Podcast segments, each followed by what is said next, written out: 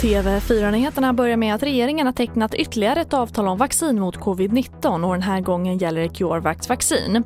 Och I dagsläget är det vaccin från fyra olika företag som kan komma bli aktuella i Sverige. Och Regeringen skjuter också till 2,5 miljarder extra i vaccinbudgeten. Och statsminister Stefan Löfven säger idag att han ser allvarligt på IVOs kritik som riktas mot alla Sveriges regioner om hur vården på landets äldreboenden har varit under pandemin. Här hör vi Stefan Löfven. Det är en kraftig kritik som eh, IVO ger här till att regionerna måste se till att alla får den vård och omsorg som man enligt lag har rätt till och det har inte fungerat. Och då så säger nu IVO till regionerna, vi vill ha ett svar senast den 15 januari. Vad tänker ni göra åt det? Och det är därför säger jag att då utgår jag från att det arbetet pågår redan nu.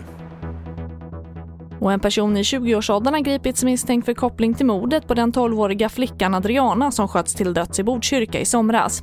Mannen misstänks för grovt skyddande av brottsling och polisen har genomfört nästan 500 förhör i utredningen och man har slagit fast att flickan inte var måltavlan för skotten. Men det är fortsatt okänt vem som skotten var menade för. TV4-nyheterna, jag heter Charlotte Hemgren.